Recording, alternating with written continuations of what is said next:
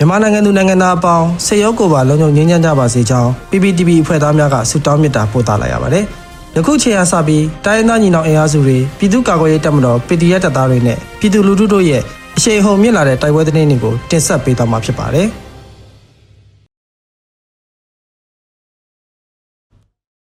ပထမအဆုံးအနေနဲ့တရက်ချောင်းတဲချောင်းကြီးအောက်ရဲကင်းစခန်းကို PDF ကတင်ပို့တိုက်ပွဲဖြစ်ပွားပြီးစစ်ကောင်စီဘက်မှ၄ဦးသေဆုံးတဲ့သတင်းတင်ဆက်ပါမယ်။ တနင်္လာရီတိုင်းတရက်ချောင်းမြို့နယ်တဲချောင်းကြီးအောက်ရဲကင်းစခန်းကို PDF တပ်များကဇွန်လ3ရက်နေ့တွင်တင်ပို့လိုက်ပြီးတိုက်ပွဲဖြစ်ပွားကစစ်ကောင်စီဘက်မှ၄ဦးသေဆုံးကြောင်းဒေသကာကွယ်ရေးတပ်များထံမှသိရပါဗျ။ဇွန်လ3ရက်နေ့မွန်းလွဲ12နာရီကျော်အချိန်တဝဲခရိုင်တရက်ချောင်းမြို့နယ်တောင်ပြောက်တိုက်နယ်ရှိတဲချောင်းကြီးရဲစခန်းကိုပြည်သူ့ကာကွယ်ရေးတပ်ပေါင်းစုကဝင်ရောက်သိမ်းပိုက်ချိန်တွင်အပြန်အလှန်ပြစ်ခတ်မှုများဖြစ်ပွားခဲ့ပြီးတိုက်ပွဲပြင်းထန်ခဲ့ကြောင်း တဲချောင်းကြီးအောက်ရဲကင်းစခန်းကိုပြည်သူ့ကာကွယ်ရေးတပ်ပေါင်းစုကအောင်မြင်စွာသိမ်းပိုက်နိုင်ခဲ့ပြီးစစ်ကူလာသောစစ်ကောင်စီတပ်သားများကလက်နက်ကြီးများဖြင့်ပစ်ခတ်ခဲ့ကြောင်းစစ်တပ်ပစ်ခတ်သောလက်နက်ကြီးထိမှန်၍ပြည်သူရဲသားတအုပ်တေဆုံးသွားခဲ့ကြောင်းသိရှိရပါတယ်။ဇွန်လ3ရက်နေ့တိုက်ပွဲသည်မွန်းလွဲ12နာရီကျော်အချိန်မှ2နာရီကြာတိုက်ပွဲဖြစ်ပွားခဲ့ပြီးတိုက်ပွဲတွင်အ ਨੇ ဆုံးစစ်ကောင်စီတပ်သား4ဦးတေဆုံးပြီး9ဦးဒဏ်ရာရရှိခဲ့ကြောင်းပြည်သူ့ကာကွယ်ရေးတပ်ပေါင်းစုမှထိခိုက်ဒဏ်ရာရရှိမှုမရှိကြောင်းသိရှိရပါတယ်။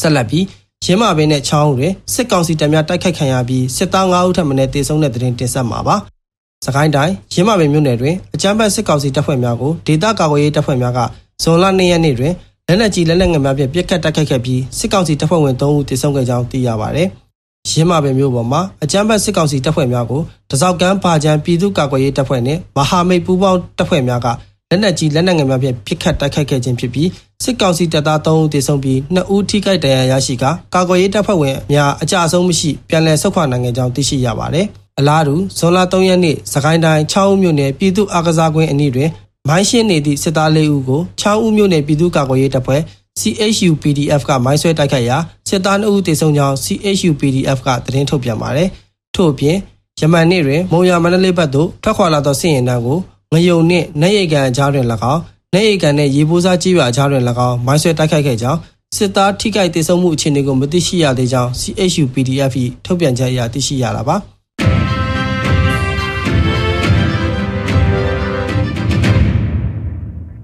ကံကောတွင်စစ်ကြောင်းထိုးနေသောစစ်ရင်တန်းကိုမိုင်းဆွဲတိုက်ခိုက်ပြီးစစ်သားတေဆုံမှုများ၌စစ်တပ်ကရင်တန်းဖြင့်လှည့်လည်ကကြေးရွာများကိုမိရှုဖျက်ဆီးနေတဲ့တဲ့တင်တင်ဆက်ပါမယ်။ မကွေးတိုင်းကံကောတွင်စစ်ကြောင်းထိုးနေသောစစ်ရင်တန်းကိုဒေသကာကွယ်ရေးတပ်ဖွဲ့များကမိုင်းဆွဲတိုက်ခိုက်ပြီးစစ်သားတေဆုံမှုများနိုင်ကြောင်းစစ်တပ်ကစစ်ရင်တန်းဖြင့်လှည့်လည်ကကြေးရွာများကိုမိရှုဖျက်ဆီးနေကြောင်းဒေသကာကွယ်ရေးတပ်များနှင့်ဒေသခံများထံမှသိရှိရပါတယ်။ဇွန်လ2ရက်နေ့တွင်ကျော်ကပ္ပစမှထွက်ခွာလာသောစစ်ကောင်စီရင်တန်းကို People Defense Force ထီလင်း YRPA ကခြုံခိုပြောက်ကြားနည်းဖြင့်နနက်9နာရီမိနစ်30အချိန်မှ9နာရီ45မိနစ်အချိန်ထိ15မိနစ်တိုက်ခိုက်ခဲ့ပြီးပြန်လည်ဆုတ်ခွာခဲ့ကြောင်း စစ်ကောင်စီဘက်မှအထူးကိကြဆုံးမှုများနိုင်တော့လဲရေအတွက်မသိရှိရကြောင်းစစ်ကောင်စီတပ်ကမိရှို့သွားသောဇင်းဆယ်ရေပုတ်ကြီးရွာသားများအတွက်လက်တုပ်ပြန်တိုက်ခိုက်သွားမည်ဖြစ်ကြောင်း YRPA ကသတင်းထုတ်ပြန်ထားပါတယ်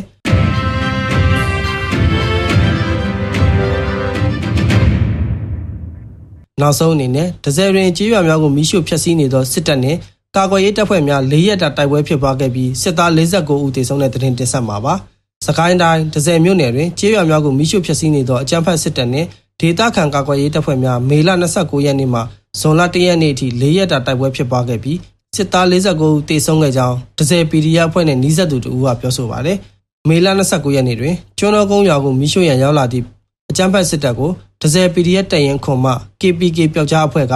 မိုင်းဆွဲတိုက်ခိုက်ခဲ့ခြင်းကြောင့်စစ်သား2ဦးသေဆုံးခဲ့ပြီးမေလ30ရက်နေ့တွင်အောင်ချမ်းသာရွာကိုမိရှို့ရန်ရောက်လာသည့်အကြမ်းဖက်စစ်တပ်ကို ရွာအဝင်တွင်ဒဇယ် PDF တရင်ခွန်မှ KPK ပျောက်ကြားအဖွဲ့ကထပ်မံမိုင်းဆွဲတိုက်ခိုက်ခဲ့သောကြောင့်စစ်သား9ဦးသေဆုံးခဲ့ပါသည်